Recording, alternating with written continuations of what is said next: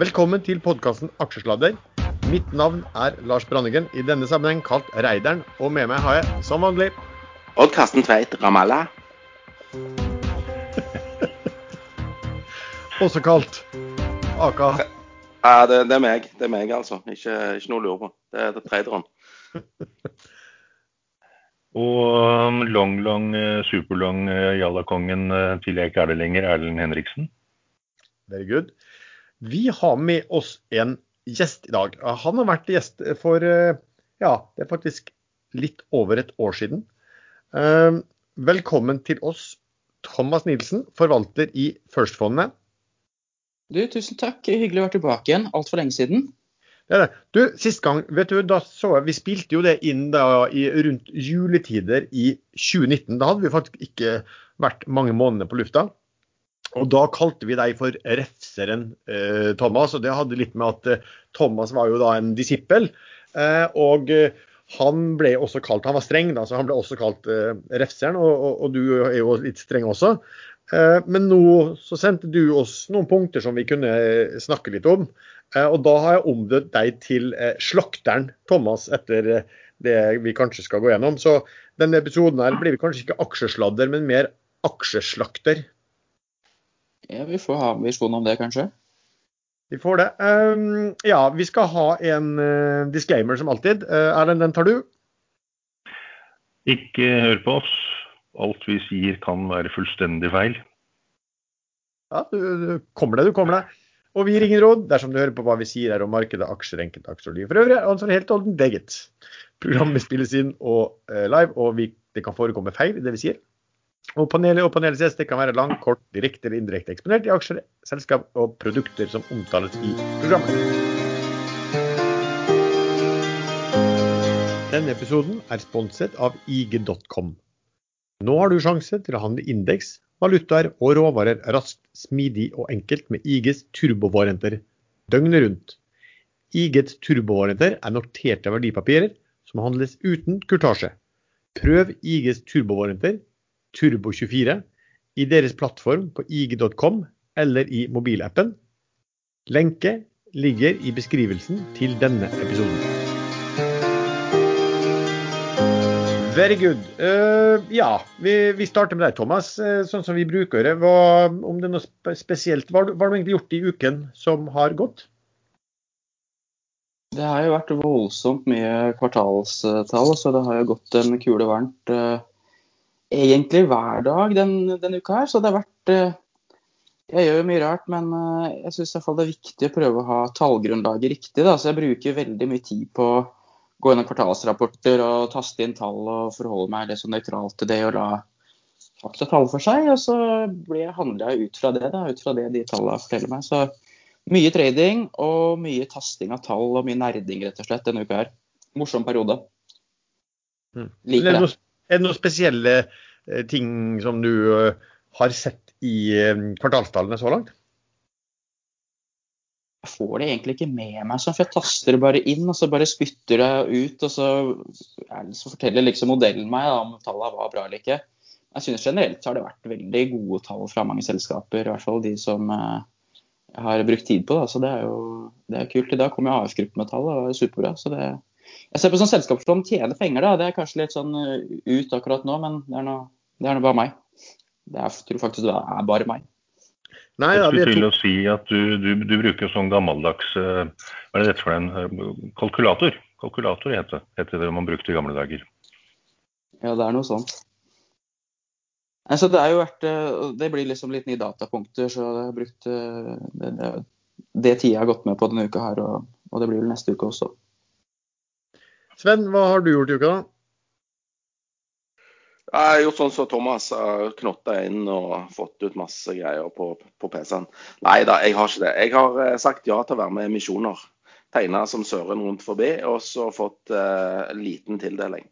Og det er jo oppskriften for suksess.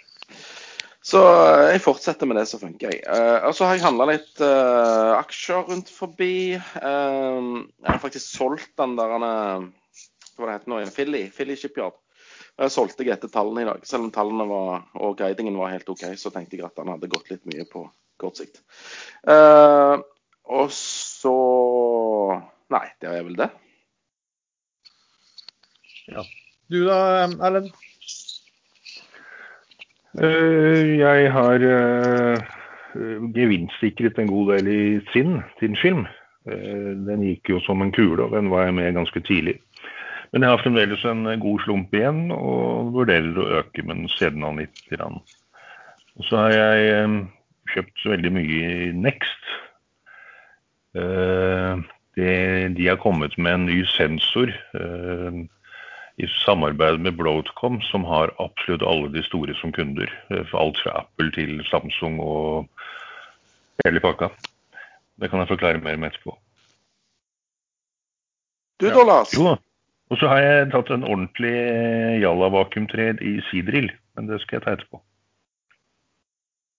Hva har jeg gjort? Eh, nei, jeg har vel gjort sånn som Jeg er jo litt på linje med deg, eh, Sven, som ofte for å si det sånn. Eh, sett litt på emisjoner, tegna med litt emisjoner. Jeg har også fulgt med en del på eh, kvartalstall og måtte plukke inn det, siden vi har liksom lansert en ny plattform for eh, videopresentasjoner for børsnoterte selskap. Jeg surra meg litt inn i det Proximar og et eller annet sånt, men det var å hive ut ganske fort med tap. Og så var jeg med i en fin oppgang i eh, Nordic eh, Unmanned ellers. Og så har jeg sittet og fulgt med på ja, de, de, de som jeg har hatt Eh, en god stund. Eh, og er vel litt allment forvirret kanskje på eh, en del prising rundt omkring. Og, og litt sånn som, som, Thomas også, at i, i, denne tiden er kanskje folk så interessert i om selskapene tjener penger eller har cashflow og sånn, men, men, men, det er jo sånn det bare er. Uh, vet du hva, vi, vi, har da Thomas, du sendte oss en, en, liten, sånn, en, liten, en liten liste på hva vi kunne snakke om eh, til bruk. Altså, det høres ut uh, regnskap og regnskapsskikk for børsnoterte selskap. Det er faktisk en del som er veldig interessert i det, selv om det er tilkommet mange markeder som kun bryr seg om uh, momentum og teknisk. Men det, ganske, det, kan være ganske moro. Tenkte vi kunne gå gjennom den, litt, den, listen litt, og så se om vi finner noen selskap kanskje som, som passer til de enkelte punkter. Kan du bare starte med punkt én på listen din, Thomas? Ja, det var en liste jeg egentlig faktisk skrev i affeksjon. altså tenkte jeg skulle skrive et innlegg til avisen, eller noe sånt, og så tenkte jeg at jeg ta, ta det litt med ro, for jeg var, var sinna. Jeg husker ikke hvilket selskap det var jeg holdt på med når jeg begynte å skrive det. Men jeg tenkte eh, å lage en sånn liste for hvordan, eh, hvordan liksom manipulere finansmarkedet, da, eller hva man skal kalle det. Mm. Eh, og det er jo masse morsomme sånne YouTube-klipp og andre ting man kan se på. Men det første jeg skrev, var jo å ikke ha salgsinntekter. Fordi da er det mye lettere å lage en visjon av hvor stort det kan være, og det er vanskelig å regne på det. Og da, og da er jo selvfølgelig kan man ha mye større visjoner om det. Så det er bra, en bra start. Og hvis du ikke har inntekter, så kan verdsettelsen bli høy. Hvor lenge kan du, lenge kan du ikke ha inntekter? For det, det, må jo være et sånt brytningspunkt der, der du faktisk må Nei, nei, nei, Sven. Den gamle Idex hadde jo ikke inntekter på ti år. Next har ikke hatt inntekter på mange år. Eh, minimale inntekter. Finn er kanskje enda, har enda lengre historie enn Idex, husker ikke helt. Så det kan de holde på med lenge. Ja, det var jo gamle Optikum, det som litt via via ble til Tinefilm. Så de har jo holdt på siden midten av 90-tallet eller noe sånt. Ja, og Idex ble vel også skilt ut fra den samme sfæren. Eh, Robert Keat og Pussel var vel inne i den. Keat er jo veldig stor i Idex nå. Men, så men, uten inntekt kan man holde på lenge, det er bare å lage en drøm, det. Ja, men det, det, er vel litt sånn at du kan holde på veldig lenge, så lenge du hele tida eh, drømmer opp på en måte nye salgsinntekter da, på, fra nye områder. for etter hvert så vil det jo liksom, man miste troen på at man skal skaffe seg inntekter på det området. og Da gjelder det jo å ha andre områder eller ja, bruksområder eller, eller markeder som, som, man da kan vise til at man eh, ja, bør kunne klare noe. Eh, men er det litt sånn, men hva, er det også litt fordi at eh, før du viser salgsinntektene, så, så kan man mye lettere skape sånn drøm, drømmeri om hvilke marginer man får? Tipper det. Det er mye mer Ja, jeg tror du har rett. Du kan drømme deg litt bort, og du kan ha masse lange visjoner. fordi hvis med en gang du begynner å få inntekter og marginer og sånn, så blir du liksom litt ankra opp i det, da. Hvis du ikke har noen forankring i utgangspunktet, så, så kan det bli liksom uendelig stort. Så jeg er mm. fascinert over sånn som Tinnfilm, som tross alt har holdt på i 20 år pluss. ikke sant? Og hvordan de klarer å holde liv i den historien uten at jeg kan noen ting om det. Så, så registrerer jo liksom bare hvordan eh, tallet har vært over lang tid. da. Sinn har jo nå laget en helt ny historie. De har kuttet ut alt det gamle, men de bruker samme produksjonsmetode til å lage supertynne batterier. Og det, jeg mener at dette faktisk er noe de kommer til å få til. Nå har de sagt at de skal uh, begynne å produsere de første uh, batteriene allerede i Q3 i år. Og første salg i Q4 i år. Så nå har de jo lagt lista mye høyere for seg selv. Vanligvis har de jo sagt i to eller tre år fram i tiden, så kommer de til å få volum. Nå, skal det komme nå, i løpet, i løpet av et år. Men vi har vel noe, det kommer nå vel veldig mye til børs nå også som har minimale eh, salgsinntekter også. Og har det ikke vært sånn også på børsen også i USA at selskaper omtrent uten inntekter er vel de som har gjort det klart best på børsen? Jeg tror de andelen selskap som gikk med underskudd eh, var større enn noen gang. da. Jeg lurer på om det var bare teknologiselskapet, men det gjelder sikkert litt generelt også. Og Det er jo litt sånn begrunnelse. Altså, om ikke inntekter og går med underskudd, så er det jo vanskeligere å skulle sette en multiple på det. Men det er jo de emisjonene som er, som er de beste å være med på. Dette gjelder jo også både oljeselskap og gruveselskap. Um, man kaller det sånn uh, gjerne det, the second best time to å kjøpe et gruveselskap. Det er når man har bommet på exploration-fasen. Når, når, et gruve- eller oljeselskap finner en stor ressurs, da går kursen sky high. Og da er det veldig få aksjer gjerne i selskapet. Og så tar det tid å utvikle, og det kjøres mange emisjoner. Antall aksjer øker, og kursen bare faller og faller og faller. Eh, helt til de starter produksjonen eller starter eh, konstruksjonen av uh, oljeriggen eller, eller, gruven. Da begynner kursen ofte å stige inn. Og da er det jo veldig mange flere aksjer å dele framtidige inntekter på enn det var da kursen gikk sky high første gang. Så det tar veldig lang tid å komme opp igjen dit. Hvis det noen gang gjør det de, de vindkraftselskapene er vel også litt som kommer på børs nå, også som en hel del av dem har ingen inntekter. De har vel egentlig flere har egentlig ingen lisenser heller.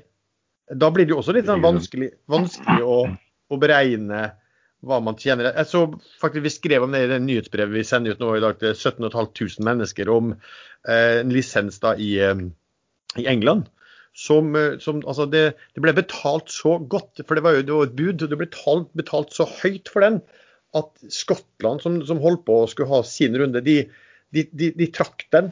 For at de må bare endre på prismekanismen. fordi at, fordi at her, skal, her, skal, det betales mye mye mer penger for å få, eh, for å få lisenser. Eh, og Det er jo alltid litt sånn altså at du, en, du ikke har lisens, men to er jo at de lisensene du håper å få, blir plutselig mye dyrere. Eh, og da ja, blir jo regnestykkene litt annerledes. Men også, vi ja, så er det en uh, liten ting til der også. Uh, før fikk man subsidier. Nå betaler man veldig mye for lisensene, og subsidiene er stort sett fjernet helt på vindkraft til havs. Mm. Skal vi ta punkt to, Thomas? Ja, apropos gruveselskaper, var det noen som sa at uh, it's a hole in the ground with a, with, a, with a liar on top of it. Ja, det er riktig. Jeg driver en diamantgruve i Sør-Afrika, så vi får se da om, om, det er en løgner på toppen av den. det visste jeg ikke. Tiden vil vise. Punkt to, Thomas. Ja. Jeg hang meg litt opp i det der, så det husker jeg var eh, Jeg leste TGS eh, som fortalte om på sin sånn pre- eh, eller mid-quarter update, eller før, før kvartalet, så sa at de hadde hatt en sånn de har nå engang salgsinntekter, da, så de viste vekst. og Da tenker jeg folk velger ut alltid det beste å sammenligne med. Da. Så De sa at det vokste salget kvartal over kvartal. Og, og det blir liksom si litt som å si at uh, teaterkafeen vokser inntektene sine måned over måned i desember, liksom. Eller at du selger mer iskrem på sommeren enn på vinteren. Da. Altså, mange selskaper velger veldig sånn riktig ting å sammenligne med, enten det er år over år, kvartal over kvartal, eller flere egenskaper, og year to date eller uh, kvartalet og hva som helst. Så hvis man en gang har da salgsinntekter, da, hvis du har kommet forbi punkt igjen, at at du har det faktisk, så må du velge rett sammenligning. Da. Og du kan jo snakke om organisk eller ikke-organisk eller hva du vil. Så det er også sånn bra triks man kan bruke da, for, å, for å fremstå bedre enn man kanskje er. Mm. For, eksempel, man ser jo det på selskap som har kjøpt opp andre. Eh, er kanskje ikke så nøye med å fortelle at, eh, at veksten er egentlig ikke så veldig stor. Det er bare stor fordi at de har tatt inn inntektene på de de har kjøpt. For Har, har du noen eksempler? Du nevnte jo TGS. Da. Er det noen andre eksempler på det som du, du har sett? Jeg tror bare man må alltid kikke i kvartalsrapportene, og så må du bare se hva er det, er det logisk å bruke år over år eller kvartal over kvartal, eller hva det måtte være. da. For en del ting har jo store sesongsvingninger som man må være oppmerksom på.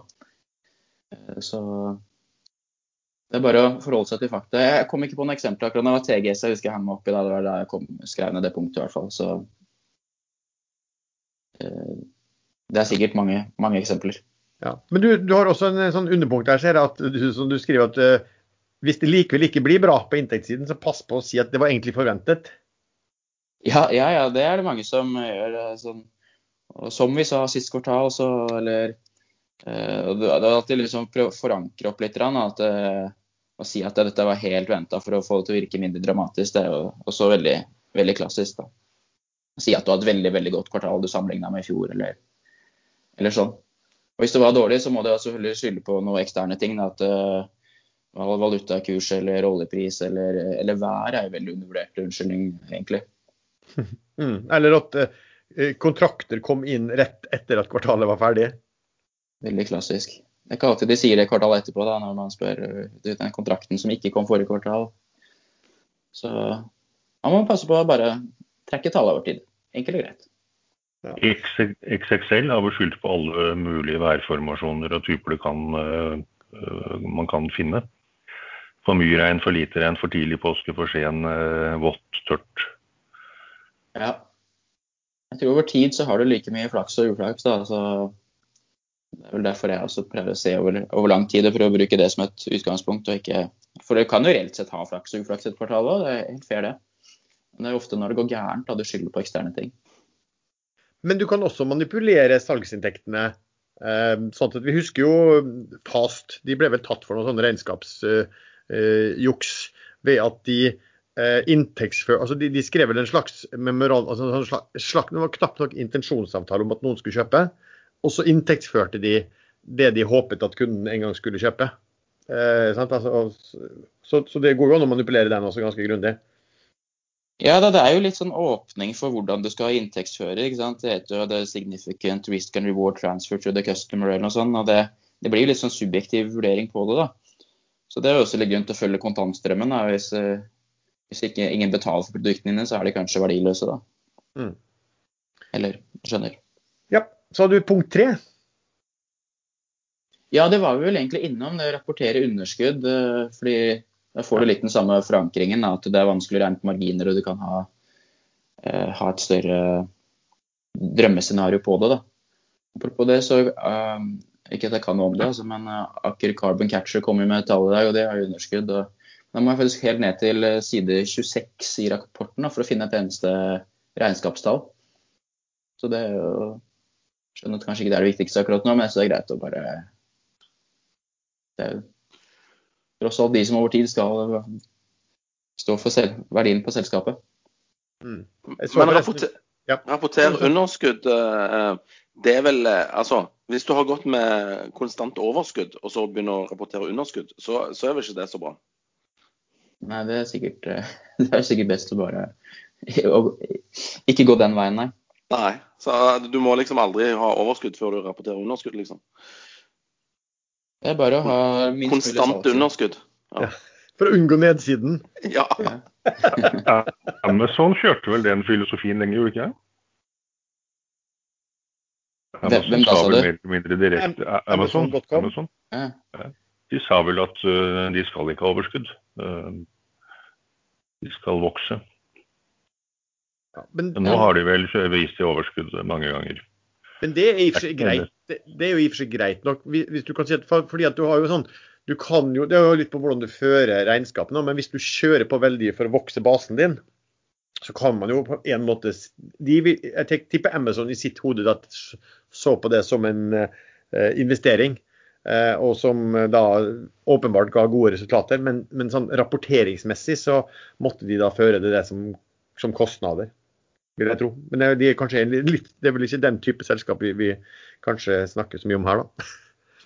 Nei, det følte ikke det nå var Men det er klart, du må jo vokse salgsdekningen over tid. Jeg tror det er eh, fornuftig. Også Amazon har jo hatt bra kontantstrøm, så, så det har jo vært masse verdi totalt sett der, selv om de også har gått med underskudd en, en tidlig fase. da. Ja. Eh, punkt fire. Ja, EBD er jo noe du også har snakka mye om, Lars. Så, Mye, ja. Så det er jo et, eh, synes jeg, dårlig tall på lønnsomhet. Fordi for det første så har du ikke med husleia lenger. Den kommer jo enten eller som delvis som en avskrivning og delvis som en rentekostnad. Og den fører du helt nederst i kontantstrømmen. Så kaller du det uh, repayment og lease liabilities da, istedenfor husleie. Så det syns jeg er viktig. og Du må jo tross alt betale den selv om du kaller den noe annet og putter den ned i, i cashloven. Og for det andre så har du jo det der med å kunne kapitalisere kostnader, eller altså aktivere kostnader der du tar f.eks. utviklingskostnader over balansen eller i, cashloven, sånn at du holder det uh, utafor kostnadene dine. og Det vil jo bli avskrevet etter hvert, så det kommer ned i ebiten med litt forsinka effekt, men det også holder seg jo utafor uh, EBDA-tallet. da. Og Som aksjonær så tenker jeg også vi må jo betale rentekostnader og skatt og investeringer og andre ting også før det er noe igjen til oss. Så, så EBDA blir veldig eh, Det blir et veldig underlig tall å bruke, da, men som veldig mange fokuserer på likevel. Mm. Eh, Rett og slett fordi da får du en høyere margin, helt enkelt. Ja, altså, jeg er jo helt, nå har jeg jo sett uh, mye av de kvartalstallene som kommer. Det var ett selskap, nå husker jeg ikke hvem, hvem det var, og de hadde en veldig lang sånn, Selve rapporten var veldig lang. og Det sto bare EBITA og justert og EBITA hele veien.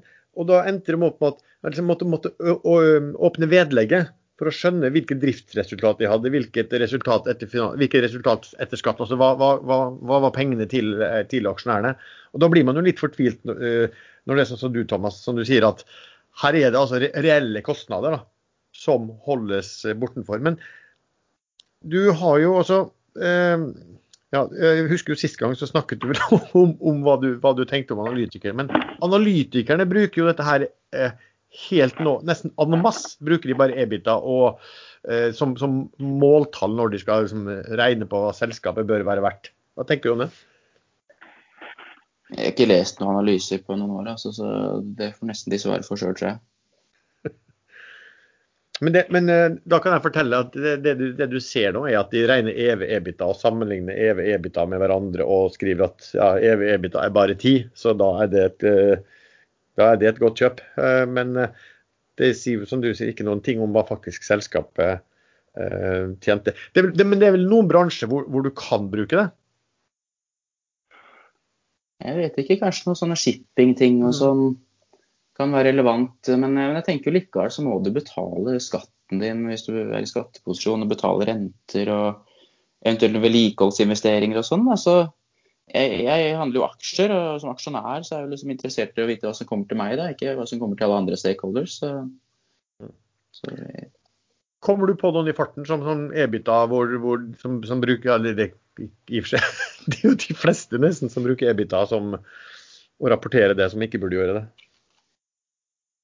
Jeg vet ikke, eller Vi snakka litt om XXL sist, og ikke at det er noe dårlig selskap. Men de fokuserer på EBITDA, selv om de har jo masse husleiekostnader som kommer lenger ned. da. Det kan jo gi et litt sånn skjevt bilde av regnskapet, enten på per land-basis eller, eller, totalt sett.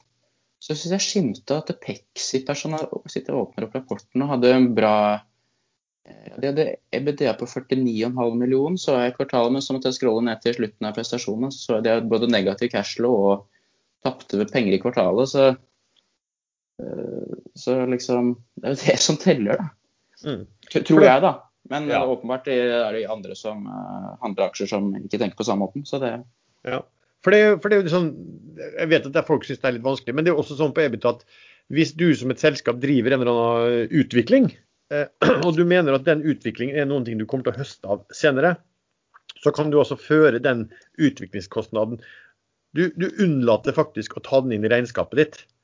Du, du legger den på balansen som en eierandel, og så skal du skrive av den da senere at den skal falle i verdi etter hvert som du tar den i bruk. Eh, og ja. når du da tar den i bruk, så vil den ikke vises i regnskapet heller, hvis du fokuserer bare på EBITA. Nei, det er som du sier. Først så tar du kostnadene ut. og Jeg sier ikke at det er noe gærent, og det er regnskapsmessig sånn du skal gjøre det. da. Så, men så må du skrive den av etter hvert da, på, på den måten du gjør det, så det kommer inn i EBIT-resultatet. da. Mm. Så, men cashlån blir det samme uansett hva du kaller det for OPEX eller CapEx, kostnadene dine. Så cashlån er jo det samme. Pengene går jo til, til det uansett. da, Går ut av kontoen din og inn til de ansatte eller eh, hvordan enn du utvikler. Så, Ja. så cashlån lyver sjeldnere. Ja, for du sa jo også, det ser du skrev også at uh, man kan jo godsnakke litt med revisoren og fortelle hvor mye utvikling det er i det du har, sånn at de kan eh, unngå, unngå å ta de kostnadene i, i regnskapet og heller aktivere det. Ja. Jeg pleier en gang å spørre selskaper om de inntektsfører konservativt lagerskifte, men jeg får stort sett det første som, som svar. Alle sier at de liker å kostnadsføre. Jeg er litt usikker på om det har noen, noen skatteeffekter, øh, hvordan, hvordan det funker. Det burde jeg sikkert satt meg litt mer inn i. Eh, Men så altså, jeg vet du har jo vært i, i media eh, i, i forhold til Equinor og, og refset eh, dem og, og slaktet dem. Og der ditt punkt eh, fem er vel eh, rettet mot, mot de også. Ja, engangseffekter er det jo mange av. Det har jeg vært litt sånn på at det, en del ganger så er det helt reelt at det er en engangseffekt en, som ikke kan sammenlignes med tidligere. Men og det, er litt også derfor jeg måler ting over lang tid. Fordi sånne ting kommer kanskje som en stor bolk en gang, men det hører hjemme i regnskapet. Og så kanskje det kommer for mye på en gang. Det er spredt utover. da. Eh, Men det er så du driver typisk med for høy margin i lang tid på prosjekter, og så får du en prosjektsmell til slutt, da, eller underveis, og så tar du, kaller det for en nedskrivning eller en engangseffekt, og så fortsetter du på samme måte. Eller hvis du driver med, kartellvirksomhet, da, prisjuks f.eks., så har du for høye marginer, og så får du en bot da, fordi du blir tatt for det. Så kaller du det for en engangseffekt, og så flere selskaper har gjort det. det og det blir jo en skjevhet i det, da. Og det å, å f.eks. du legger ned fabrikker eller du restrukturerer andre ting. altså KOA gjør det, har gjort det stadig vekk. De slår sammen fabrikker og sånn, men, men det er jo en del av driften. ikke sant? Og det er jo en del av det de holder på med. det. Så det å bare kalle det for en restrukturering innimellom og, og, si at det, det hører ikke med, det, det blir skjevt. Og så er det noen da som rapporterer justert kapitalavkastning og sånne ting. Da. Og det er klart, hvis du skriver ned eh, bokverdien din masse, så får du høyere kapitalavkastning, da, men du må jo ta med nedskrivningen som del av totalen også. Og det du, men det du også kan gjøre her, er jo Har du på en måte litt sånn tapt år, så kan du eh, så kan du jo ta eh, store restruktureringskostnader og, og, og, og si at det er bare justert og det er en engangs, engangstilfelle. Eh, og så medfører de at, vi, at du kanskje kan få mye bedre resultat enn hva reelt sett er de, de, de kommende årene. Ja, da, du kan jo ta for mye, da, så kan du reversere litt etterpå. Så, så ser jo det enda bedre ut eh, når du da gjør justeringen etterpå. Da. Så det, det vil jeg anta skjer ofte. Mm. Og så har du litt om eh, ja, hva man kan gjøre på husleie f.eks. For, eksempel, for å manipulere og ja, trikse. Ja, Hvis du skal nedbemanne og sånn, altså, så kanskje du skal kan du kjøpe deg ut av en husleiekontrakt. Du betaler eiendomsbesitteren et beløp, og så slipper du å oppfylle resten av husleia. Så kaller du det for en one-off istedenfor kanskje mer lønnsomt da, å, å, å, sitte ut med det og prøve å gjøre det beste ut av det. Så du ville da du kalle det en engangseffekt istedenfor å ta det reelt sånn som det burde gjort. da. Men det er jo en del av totalen, det også. Så jeg tror selskapene over tid så vil jo markedet skjønne hva som er den reelle verdiskapningen, selv om noen ganger så blir man litt frustrert over at det ikke skjer, da. Mm. Så har du ja, et punkt om nedskrivninger på nummer seks. Ja, litt sånn samme, samme greia. Da. Ta store nedskrivninger for å få ned boka og for å Ja, rett og slett kalle det. Sånn som, det var også sånn TGS jeg reagerte på, at de skriver ned og så kaller de det for non-cash. og Det er greit at det er non-cash, men det har jo vært cash en gang som de har, som de har investert. Mm. Og det burde bare vært ned, avskrevet raskere, da.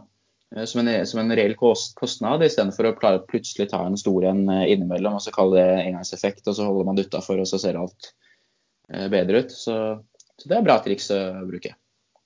Mm. Så ser du snakker også om å ha, å bruke segmentregnskap. Hva, hva tenker du på med, med det? Det husker jeg det var egentlig når jeg la merke til i, i Skipsted for mange år siden. Så hadde de et divisjon som de kalte for New Ventures. da. Eh, og det jeg tenker på er jo at hvis du splitter opp regnskapet i segmenter, så passer du på at én går med masse underskudd, og så kaller du den et eller annet som, som er litt frekt, ikke sant? med noe vekst og venture og grønt og fornybart og sånne ting. Så vil jo da de som følger selskapet legge en positiv verdi på det, for den har et fremtidig potensial. Samtidig får du fjerne kostnadene ut av de andre divisjonene, sånn at de blir også mer verdt. Så det er jo en bra måte å få en eh, økt eh, verdsettelse på, da.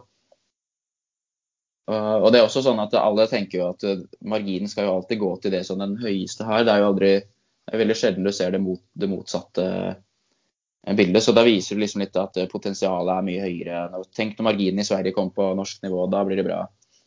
Det er jo mange selskaper som, som også gjør. Så det å splitte ut sånn er noe man skal også være oppmerksom på, da. Ja, oppkjøp, oppkjøp, oppkjøpskostnader i disse dager hvor det, det skjer veldig mye eh, oppkjøp, så eh, har du også det på lista di. Ja, og jeg tenkte egentlig på en annen ting også. Det er jo dette med IPO-kost. Altså, jeg tenkte på når jeg leste om Pexip, da jeg tror de hadde eh, Var det 90 millioner Nei, 97 millioner hadde de IPO-kost da når det gikk børs. Så jeg tenker jeg er aksjonær i, i, ABG, da, de tjente jo på det. Så jeg tenkte det var en bedre måte å eksponere seg på den måten på. da. Men, eh, men uansett, de oppkjøpskostnader en IPO-kost går vel på børs fordi det også har en verdi gjøre det. da, At du får mer eh, reklame, eller du blir sett på som mer solid, eller du kan bruke aksjen din til å gjøre transaksjoner og andre ting. Så hvis du velger å bruke nesten 100 millioner for å gå på børs, så må det være eh, fordi du tror den investeringen også vil kaste av seg. Så jeg syns også det er feil å holde IPO-kost utafor. Det er klart, Den kommer ikke igjen, så det er ikke gjentagende, men det er jo en del av totalen. Også det med oppkjøpskostnader. Mange selskaper lever jo av å gjøre masse oppkjøp. Mange er kjempeflinke til det, det er helt fair. Men du kan ikke kalle det for en, en engangseffekt å bare holde det utenfor. da. Og så Alt det med oppkjøp er litt sånn trik, trik, tricky, ikke sant? for du kan jo betale mer, og så kan du be selskapet du kjøper uh, ikke kollekte noen kundefordringer og gjøre andre triks, sånn at, sånn at alt skal se mye bedre ut etter å ha gjort oppkjøpet.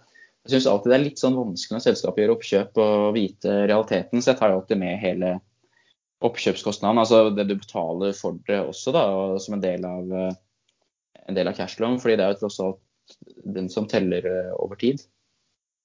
Men, det er, men, det er litt, men, du må bruke litt tid på det for å finne ut hvordan det henger sammen. Da. Men det er jo det er sånne rare ting jeg liker å bruke tid på. Mm. Uh, også, ja, Det skrev du jo også, at du kan eh, trikse med arbeidskapital til selskapet du kjøper i en, i en tidlig fase. Ja, ja, det var det jeg nevnte. Mm. Um, ja, så står det at man bør ikke glemme muligheten til å bruke andre alternative måltall i tillegg til EBITDA. Da skrevet APM. Ja, sånn alternative performance eh, metrics eller measures, da. Så det er, lov, det er jo lov å bruke, men selskapene bruker jo fryktelig mye av de. Det er sånn organisk vekst og ordreinntak og like for like-vekst. Det, er, det er masse sånne begreper du kan bruke. ARR er blitt veldig populært å bruke det, med sånn såkalt gjentakende inntekter. Så det er litt, litt, Recurring revenue skal vel egentlig aldri noen gang gå ned. for hvis den går ned, da, da er det ikke recurring. Så jeg skal prøve å trekke litt om det er noen selskaper som har fallet recurring revenue. for da er det jo da føler jeg ikke de har sagt hele sannheten. Da. Ja, for nå, for nå, har jeg jo sett sånn at det er mye analytikere som sier liksom at i hvert fall for sånn software, da, at når du har eh, ARD, altså årlig gjentagende inntekter, på, så, kan det, så, så, så kan, du ha liksom det, den ganger ti på prisingen på selskapet. Eh, og, det, og det kom et spørsmål på det, at når det er slik at selskapene liksom blir priset etter hvor mye um, årlig gjentagende inntekter har, er det da måter de kan gjøre det på hvor de kan få vanlige inntekter til å framstå som årlig gjentagende? Jeg veit ikke. Du kan jo sikkert, eh, hvis du gjør en sånn modell med en sånn abonnementsmodell, og si at eh, du kan betale likt hver måned framover istedenfor å betale tolv måneder med en gang, så vil jo så, så, vil jo det gå greit. Men du må alltid trekke det der i balansen for å se at den deferred revenue-posten på høyresiden av balansen, den skal jo vokse raskere enn salget. Ellers så har du endra inntektsføring på en måte, og det er jo, det er jo litt skummelt. Så det er måter å, å trekke det her på. For meg spiller det egentlig ikke noen rolle. Det er jo kontantstrømmen over tid som uansett vil eh, bestemme verdien av selskapet. Og, og hvordan den er, det, det, det, følger vi jo, da. Uansett hvordan kundene liksom Eller hvordan de inntektsfører. Mm. Men, men, alt det her er jo eh, Det er jo viktig for å altså, Vi vet vel i dag på børs da, at det er mye spinn eh, i, i type regnskap og meldinger. sånn sett, og det du snakker om her, er vel viktig å følge med for å Altså, Hvis du ser de faresignalene der, så kan du jo kanskje bli mer skeptisk, eh, og bør bli mer skeptisk til selskapet generelt, eller? Jeg tror det er viktig også å følge balansen da, når det gjelder software-selskaper. For å se både kundefordringene, hvordan de utvikler seg, og for å se på den deferred revenuen, hvordan den utvikler seg. For det vil fortelle mye om hvor aggressive eller eh, nøytrale selskapene bokfører regnskapene sine det er veldig nøye på det der i spesielt software-selskaper, men egentlig alle selskaper. Det er jo helt eh, OK å gjøre det på den måten, det er bare vi må sjekke at eh, ting stemmer. da, At ikke de bokfører raskere enn det er grunnlag for. For da har du en risiko for du må skrive ned kundefordringene dine, og, og da har du ikke reelle inntekter. Du Thomas, når, når, du skulle være gjest, så ble jo Jallakongen livredd. Eh, han sa at hva kommer, han, hva kommer, han, til å si om hva jeg holder på med? Eh, eller når du har hørt de punktene her, er det, liksom, er det, er det mange av de du, du kjenner igjen i, i, i, de selskapene som du sånn generelt liker å gå inn i? Ja, spesielt de første punktene er jo um, kjøpssignalene mine. Det er jo det jeg, det jeg går etter. Eh, ingen inntekter eh, drømmer, visjoner. Eh, nå husker jeg ikke punktene i farten her, men da jeg leste dem, så kjente jeg meg igjen i de fleste. Her er det bare å kjøpe. Fordi at du, du, du antar at de skal selge de drømmene bedre til, til, andre, på en måte? Det er jo mye lettere å selge en drøm enn det er å selge, virkeligheten. Um, man kan ikke bli tatt på drømmen fra kvartal til kvartal. Uh, man kan bli tatt sånn fra år til år, men da er det jo har det vist seg at de fleste klarer å lage nye drømmer og dytte litt på ting. Men så har man jo da selskap som eh, plutselig går fra å bare ha produsert drømmer til å faktisk se ut som at de klarer å produsere noe som kan begynne å selge. Um, og da er det jo spørsmålet kan, kan det reelle uh, produktet de nå skal ut i markedet med, faktisk oppfylle drømmene eller overstige dem. Og der tror jeg tror jeg faktisk at jeg har klart å spotte to selskap som, som ligger godt an i løypa der. Det kan vi ta etterpå. Sven, hva tenker du om alt det, det, det du har hørt? Jeg? Nei, Sven. Nei, Sven. Å oh ja, hei, hei. Um, jeg holdt bare på med, med litt jobb. Jeg kikker på en aksje her som jeg er blitt ganske bull på, så jeg måtte lese litt regnskaper og sånn. Uh, nei, det er veldig bra punkter. Uh, og jeg ser òg Erlend sine, sine, argumenter for å handle helt motsatt av en, hva en rasjonell investor ville gjort. Så nei, det er veldig bra. Men Erlend, Erlend tenker jo da at han, han handler jo motsatt, men med en type horisont, da. Ikke sant? For Erlend sier jo ofte at de, de selskapene her på litt lang sikt så er det i hvert fall for en del av dem har du jo sagt at det har vært håpløst, i hvert fall i forhold til den vakuumteorien din med Norwegian og litt sånt der. Eh, men så er det jo snakk om å utnytte kortsiktig, ikke sant. Drømmer og, og, forhåpninger og vakuumer og litt sånt. sant? Mm. Ja, Norwegian var jo helt spesielt. Der var det jo um, Nordnett sa vel at de hadde Norwegian sa det selv, de hadde fått over, over 30 000 nye småaksjonærer inn i selskapet når alle visste at det kom emisjonsaksjer på en krone, var det vel. Eh, og kursen falt jo aldri lenger ned enn til 1,50, og så skvatt den opp igjen. Eh, men der var det jo en kombinasjon av mye. Eh, alle intelligente investorer hadde jo solgt seg ut. Så det var, det var ikke mulig å låne aksjer for de som ønsket å shorte Norwegian. Og da gikk kursen bare opp og opp. Gikk vel fra 1,50 til i hvert fall over 3 kroner, kanskje over 5 kroner. Men nå i høst så var det jo i desember, var det vel, november eller desember, var det jo to kraftige rønn fra tilsvarende nå eh, ca. 40 kroner og opp til eh, rundt 100 eh, på denne vakuumteorien. Og det, Den går jo ut på at det er, eh, det er vedtatt det skal, selskapet skal rekonstrueres. Det kommer masse nye emisjonsaksjer på en veldig veldig mye lavere kurs. Og det blir veldig mye konvertering av gjeld, også på en lavere kurs. Eh, men det tar lang tid. De aksjene er ikke i markedet. Og Da blir det et spill om de få aksjene som er tilgjengelig. Eh, og når det er nok av villige investorer, eh, investorer der, enten de som spekulerer i at andre også går inn, eller de som rett og slett ikke skjønner noen ting. Ser på et gammelt chart og ser at Norwegian har vært i 320 kroner, og da skal den sikkert over der. Og de er det dessverre veldig veldig mange av, og det er det vi kaller kanonføde. De taper pengene sine. Men når man sitter i et marked og ser øh, dette skjer gang på gang, da mener jeg at det må være lov å følge markedet og putte pengene sine der hvor, der hvor ting skjer. Istedenfor å sitte og se på og ikke forstå hvorfor en kurs går både to og tre og tigangeren. Mm. Du, um, det kom ut et spørsmål her, skal vi se. Uh, spør gjerne om selskapet uh, benytte, kan benytte guiding pluss opsjoner til selskapets ledelse ansatte på en slik måte at man får svært god timing på inngangskursen. Og Thomas, om du er kjent med noen eksempler på det på Oslo Børs? Eh, hva tenkte du på da? At de guider dårlig så kursen skal falle så de får lav streik? Ja, ikke sant? At de er kanskje forsik forsiktige i guidingen, og, og, og, og, så får de sin pakke, og så eksploderer de i, eh, i, optimisme og rundt kanskje punkter som de ikke har snakket så mye om før? Det er jo litt spekulativt. Det er ikke noen eksempler eh, på det som jeg, som jeg veit om nå, men men det kan sikkert være at man kan være litt sånn vag i kommunikasjon og si litt mindre ting, og så reagerer markedet på det. Men jeg har ikke noe eksempel på det, altså, eh, som jeg kommer på. Ja. Det er også spørsmål på eh, altså selskapene. Hvor mye de mye tror du de lar seg påvirke av meglerhusene sine estimater og kursmål? Altså, kan estimatene gjøre at eh, selskapene begynner å manipulere regnskapet, sånn som du har snakket om? Det er egentlig et innmari godt spørsmål. Og det tror jeg Jeg, jeg syns selskaper generelt er altfor opptatt av hva analytikere mener og har som estimater.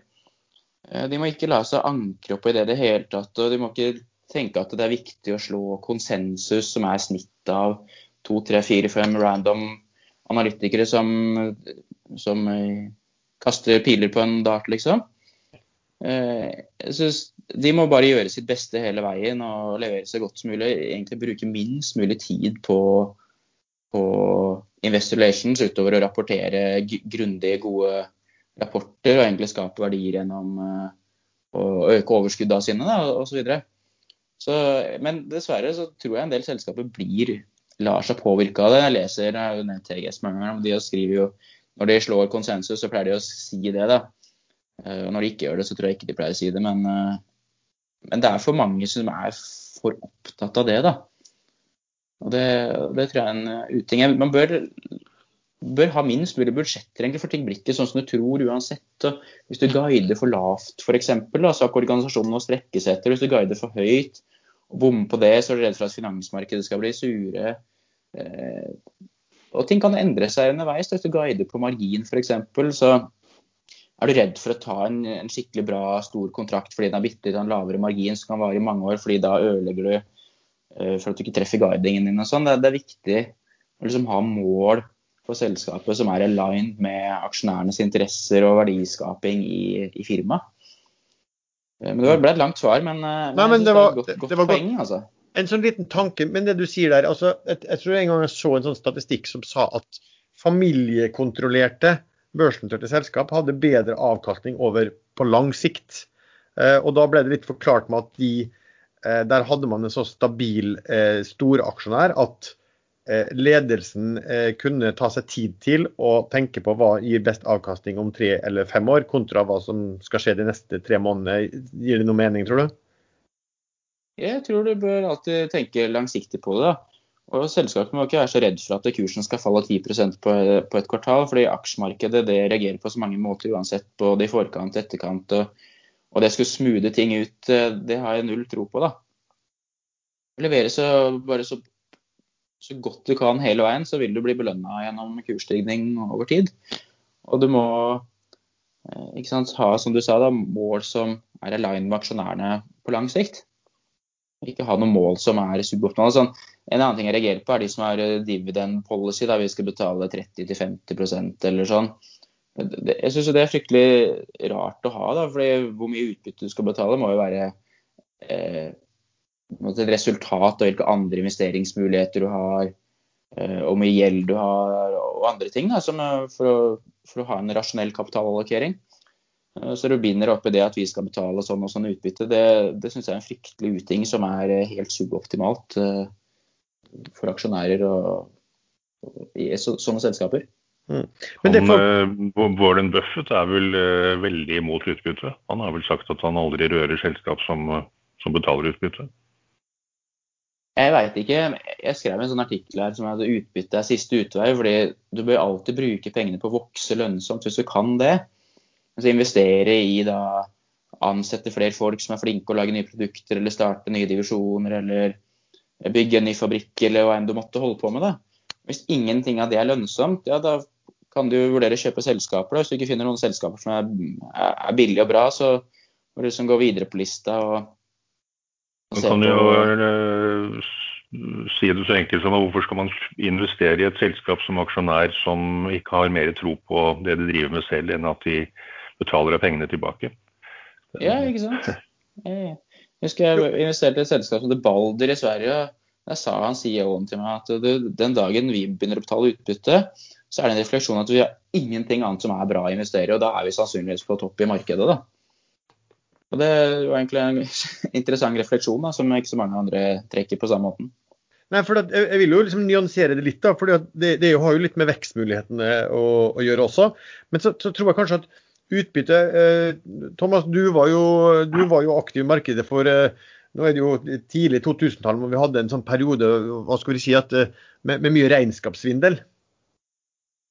Ja. Ikke sant? Da, det ene store selskapet det andre ble jo tatt for å drive med regnskapssvindel. Så, så, mitt liksom, utbytte også er at det, det kanskje da ble, ble, ekstra populært fordi at det var på en måte verifisering av at regnskapene og statusen i selskapet var, var, var, var sånn som de prøvde å vise i, forhold til regnskapet. Altså, man, man, tvilte så mye på regnskapet at, at, det at selskapet kunne betale utbytte, var, liksom en slags ja, eh, kvalitetsstempel. Ja, helt sikkert. Jeg tenker som Privataksjonærer så er det jo sikkert OK å få utbytte og sånn. Og det er, Noen selskaper kan betale utbytte, for du har ikke noen andre gode investeringer. ABG som investerte, betaler jo mye utbytte.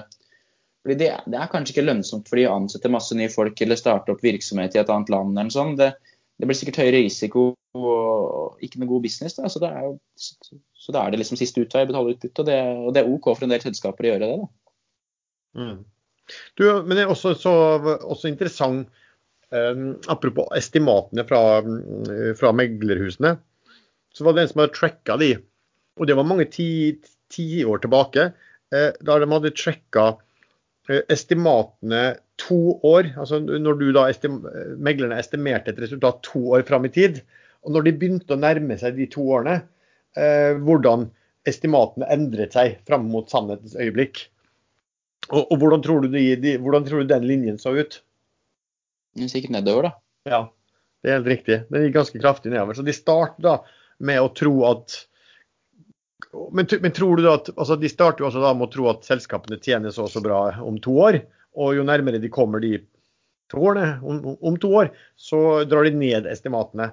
Men tror du det er fordi at de da Uh, bare er optimistiske, og, og meglerhusene har en, en, agenda at de skal være optimistiske, eller er at kanskje at de hører litt for mye på ledelsen?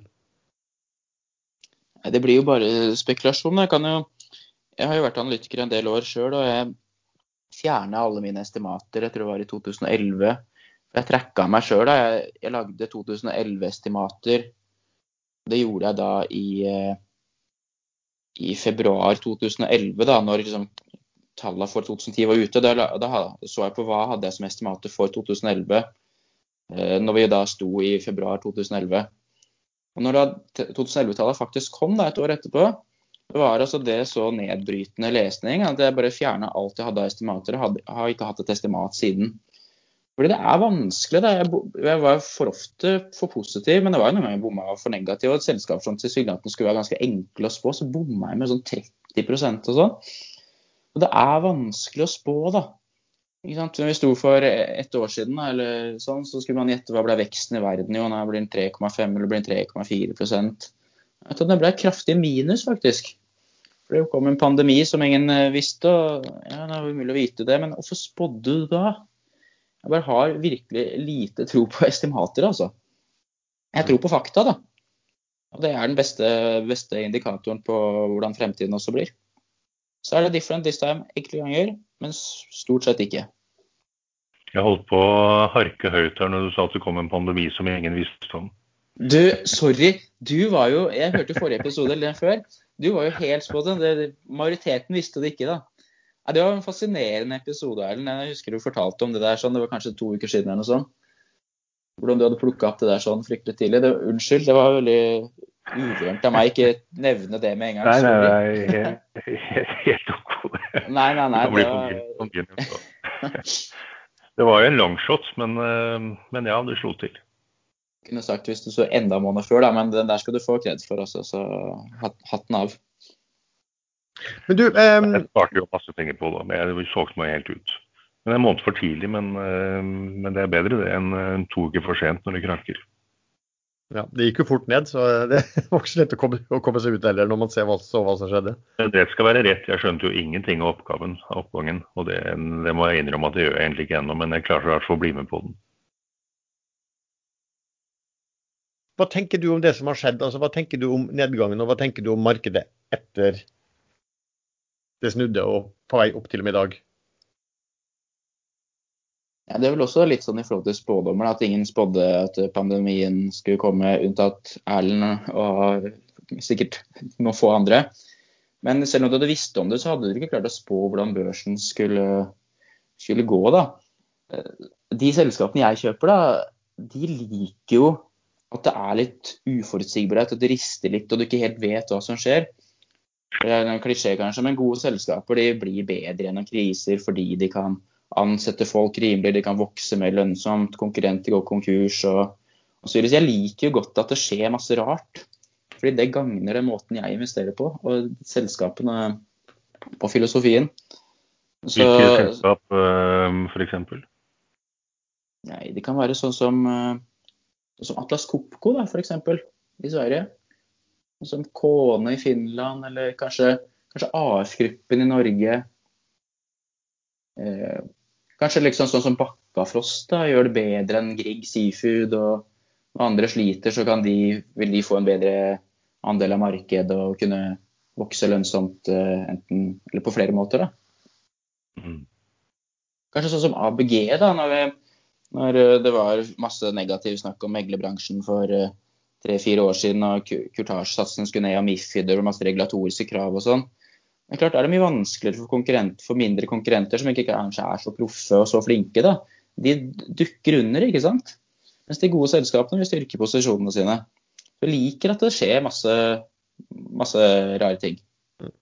Ja, fordi at eh, sånn som Mifid og de reglene innenfor finansbransjen, det, det har jo vært mye klaging på hvor mye det betyr, men for de etablerte aktørene så er det jo én ting det innebærer også. Det er jo entry-barrierer. At det blir veldig vanskelig for nye aktører å komme inn på det markedet i hele tatt. Ja, absolutt. Nå tenkte jeg skulle fortelle litt om at vi skal ha noen eh, sendinger for børsnoterte selskaper i uken som, eh, som, kommer. Først, og den har vi jo faktisk snakket om allerede, så kommer Finn Film kommer til live event via ekstrainvestor på tirsdag klokka 15.00 for å presentere selskapet og batterivirksomheten. Eh, vil du stille spørsmål til de, så kan du sende det til info.ekstrainvestor.com. Eh, og eh, på onsdag klokken 10.00 så kommer TK 2030 til Capital Markets Update via ekstrainvestor. Da kan du også sende spørsmål til samme sted. Begge sendingene går på Facebook. Du kan se de på Eh, der ligger en lenke på, til sendingen inne på Ekstrainvestors side på Facebook og også Børsforum. Men vi har jo også satt opp en ny eh, plattform i uken, som heter Incurate. I-N-Q-R-A-T-E.com. Eh, og det fine med den plattformen er at du kan se, der kan du sitte og se på alle livesendinger som går både på YouTube og på eh, Facebook og andre steder. Så disse to sendingene vi da har eh, for Finnfilm og TK, hvis du f.eks. ikke er på Facebook, eller hvis du eh, ikke kan eller vil være inne på Facebook når de sendingene går, så kan du gå på Incurate og sitte og se på de live der. Så jeg håper at det blir godt oppmøte på de, og opptakene vil selvfølgelig bli liggende eh, etter sendingen. Du Thomas, i Finansavisen det var vel i dag, så har du en eh, artikkel om hvorfor du er veldig skeptisk til å investere i bank. Kan du fortelle litt liksom, hva, hva, hva, du skrev der, og hva rasjonalet? Jeg tror at bank er mer risikabelt enn det er liksom inntrykk av mange syns det, det, det, Bank er jo vanskelig, for du har mange andre begreper på balansesiden. Kapital, eh, adequacy og forskjellige Tier 1-kapital og Basel og Pilar og risikovekter og IRB. og Det er vanskelig, men, men til syvende og sist, hvis du ser på den egenkapitalen som faktisk er der, så er den ganske liten i forhold til totale eh, delen av balansen. Men så er det fryktelig vanskelig å vite hva risikoen er i ulike låneengasjement Eh, fordi vi veit så lite. Det er masse, masse, masse tall. Men du veit ikke alltid helt hva som ligger bak. Og, og den risikoen det materialiserer seg plutselig da, når, når de da tar et tap på, på et eller annet. Og derfor synes jeg det er veldig vrient å vite hva som egentlig er i balansen med såpass lite egenkapital. Og det er såpass mye asymmetrisk risiko. Det er folk som jobber i banken, Eh, kan gi lån, og de kan gjøre tjenester. og, og det blir mye mer relasjoner. da, og Den negative siden av den asymmetrien er det jo banken og aksjonærene som ligger på. Liksom, hvis Alternativet enten så får du sparken, eller så får du kjempemye penger hvis du gjør noe. da, Så, så blir jo det en asymmetrisk risiko som at jo, jo, større risiko du tar, jo bedre er det for deg sjøl. Og, og, og vice versa for banken, fordi din egen nedside er, er, er det samme uansett. Eh, så jeg synes det er litt sånn, De er jo helt klart sykliske. Vi ser jo det på altså Egenkapitalavkastningen i 2020 var jo nesten 30% lavere enn han var i 2019. Eh, altså ikke 3 prosentpoeng, altså, men, eh, men den var jo bare 7,8% i snitt for de nordiske bankene. Og den har ikke vært mer enn drøyt 11 årlig i snitt siden 2007. Mens EPS til bankene har falt nesten 4 da, i hele perioden. Så jeg ser liksom ikke helt den store verdiskapingen i bankene. Jeg syns risikoen er høy. Jeg forstår ikke alt da, som, er, som, ligger der, så jeg tør liksom ikke helt å, å, røre det om det er en traus sparebank eller om det er eh, stor nordisk institusjonbank, liksom. Så det der eh, tør jeg ikke rote meg borti, altså. Jeg er, nesten, jeg er jo nesten født eh, og oppvokst et, i en bank. Eh, for faren min var jo sjef for en bank i Norsk Bank i mange år. Og når jeg var ferdig som eh, siviløkonom, første jobben jeg fikk, var jo da kom jeg rett ut når det var bankkrise og fikk jobb i en bank. Og en av de tingene jeg fikk, var jo da å gå gjennom eh, tall i etterkant og se liksom, hva av det de satte av, ble virkelig endt opp med tap i den bankkrisen. Og alt der. Og Det som var veldig interessant å se, var liksom at nå er det gjort mye endringer, og kredittkvaliteten i forhold til da er jo selvfølgelig mye bedre enn nå. Eh, men, men, det var litt sånn at når du kunne sitte og, sitte og sjekke dette, så, så, skjønte du av og til hvor mye black box dette måtte være for, eh, for utenforstående, og hvor mye skjønn det var i forhold til altså, hva, hva er panteverdien av, av ulike ting. Og nå kan Jeg si, altså, jeg har aldri sagt helt hva det var, fordi at Eh, man skal jo liksom holde kjeft om engasjement, da, men nå er det jo, er det jo eh, ja, nesten 30 år siden, siden jeg jobber med det. Men, og da, det, det, ene engasjementet som jeg så på da, det var et engasjement de hadde med Jørn Hoel, som dere sikkert husker. Han var veldig populær i Norge, han var kalt for Norges mest sexy mann, tror jeg. Og litt sånt der. Og han skulle satse i USA. Om det var han som skulle ta det opp lån, eller hvem det skulle, hva, som skulle gjøre det, det husker jeg ikke helt. Men det skulle i hvert fall ha eh, stort lån eh, til eh, noen som skulle satse på Jørn Hoel i USA. Og det var et anslag på at de skulle selge veldig mye sånne poster som han, som henger på veggen i, i, til jentene i USA. Men jeg husker bare jeg så, at det ble et stort tap for den banken. og så husker jeg så, Men jeg husker jeg så da mm, kredittvurderingen av det, som gikk da til kredittkomiteen den gangen. Og der konklusjonen var eh, hjernen sier nei, men hjertet sier ja. Og så sto det, det 'anbefales innvilget'. Og der sto, og der sto stempelet fra kredittkomiteen 'innvilget'. ja, det er litt relasjoner, vet du. Der røyk det en del penger. Men han var ikke Norges mest sexy mann, da. Jeg var litt sinna på den der. du, du, var jo 70 da, Erlend. Om ikke mer.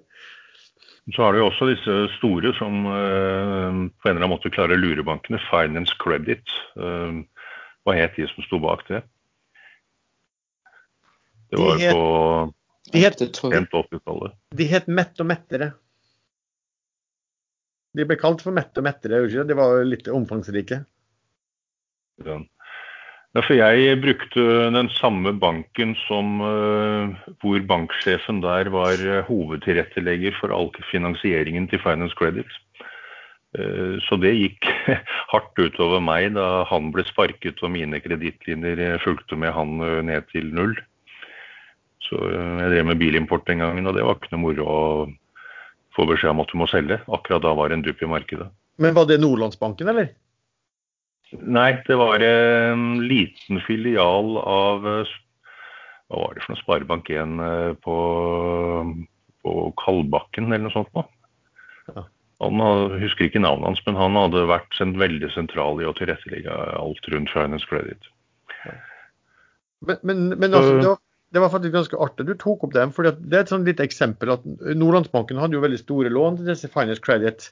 Og når det kom opp dette tapet, så mista folk såpass mye tilliten til eh, hva skal vi si, kredittvurderingen til den banken eh, at plutselig så var det ikke så lett for dem å få lånt inn penger til akseptabel rente. ikke sant? For det er jo en eh, stor risiko for en bank. Så de endte jo opp med strengt tatt å, å, måtte bli overtatt den gangen av DNB i løpet av noen få uker. Mm. Men hva, hva, skjer når de ikke klarer å se gjennom sånne oppblåste regnskap? Det var jo ikke veldig mye egentlig bak dette Finance Credit i det hele tatt. Det er sikkert relasjonsbasert, tror du ikke det? Ja, Det er det som gjør det, ja. Det kan også stemme. Jeg vet ikke. Jeg ser jo. det er mange som låner penger som er veldig mer opptatt av å gå til banken og obligasjonsmarkedet, fordi der er det noen å snakke med, og det er mennesker bak og relasjoner, og, og da er det risiko òg, da. ikke sant? For den andre veien. Ja, men du har, du har, jo et byråkrati da i banker også. ikke sant? At du skal gjennom det og det, og du skal dokumentere det og det. Du skal gjennom den saksbehandleren som skal opp til sin sjef, og så skal du, hvis det er stort nok, så skal du opp i en kredittkomité. Og hvis du da har vært kunde noen år og har, og har gode, så kan det der, hele den prosessen der kan gå eh, veldig mye raskere. Altså, da kan det gå eh, på, på, på, på, få timer fra fra han som er din eh, si, rådgiver i banken, via kanskje hans sjef og rett opp til banksjefen, som har signert på det. ikke sant? Um, så det er jo liksom argument for det. Finance Credit der var jo vel at de, de, det var vel regnskapssvindel. Uh, og så var det kanskje en regnskapssvindel som man burde sett litt nøyere på. for Det var jo da store banker som sa nei til det, for at de rett og slett ikke skjønte helt ideen og skjønte helt regnskapet. Ehm, de, ja, jeg husker ikke hva de gjorde, de kjøpte vel noen kundefordringer og, og, og dro inn igjen, men de, de, kjøpte vel en del kundefordringer som ikke var så veldig reelle, for å si det sånn. Mye av bankene i dag jo, har jo blitt veldig mye eh, boliglån da, også. Klart, men nå har man jo ikke hatt nedgang i, i, i boligprisene i, i Norge siden, siden bankkrisen, egentlig.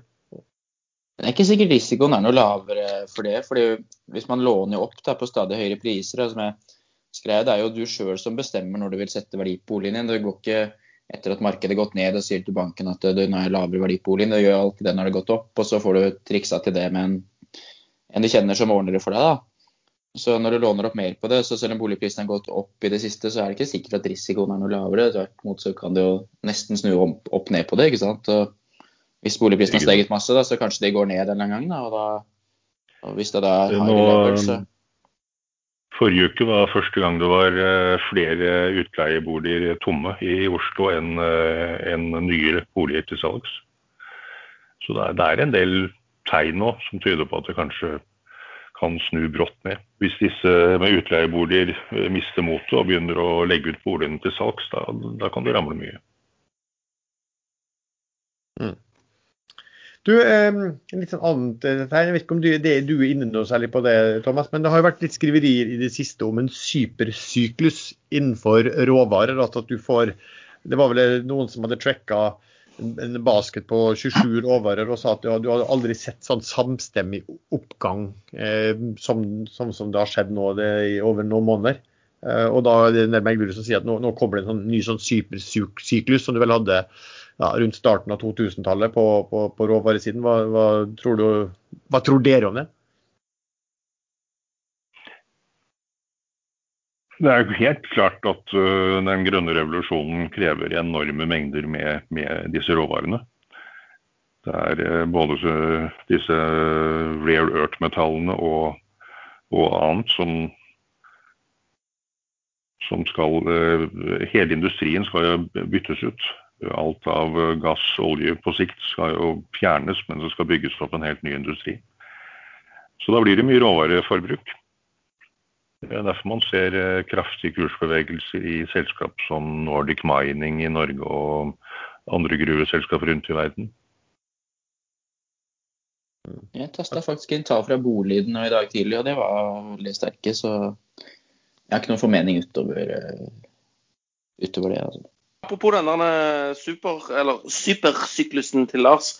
Supersyklusen eh, i råvarer.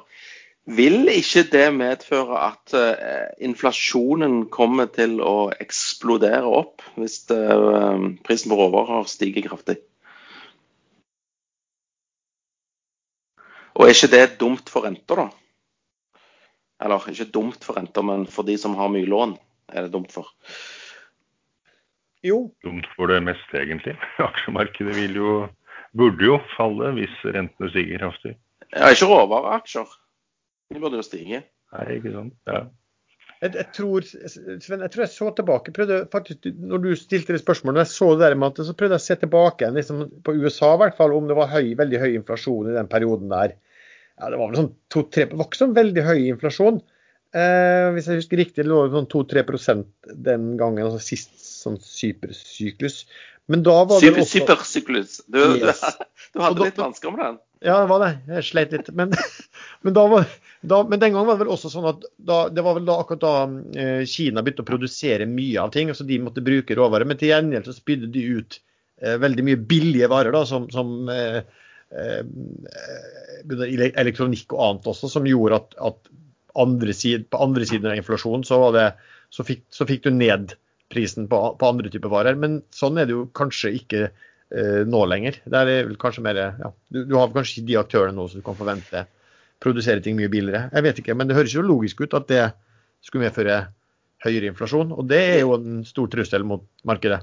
Ja, jeg vil tro at det er mye mer konsumering òg nå. For det er kommet mye mer konsumenter. Eh, før gjerne i Kina så var de produsenter, ikke så mye konsumenter. Men nå tror jeg faktisk de òg har begynt å konsumere en del.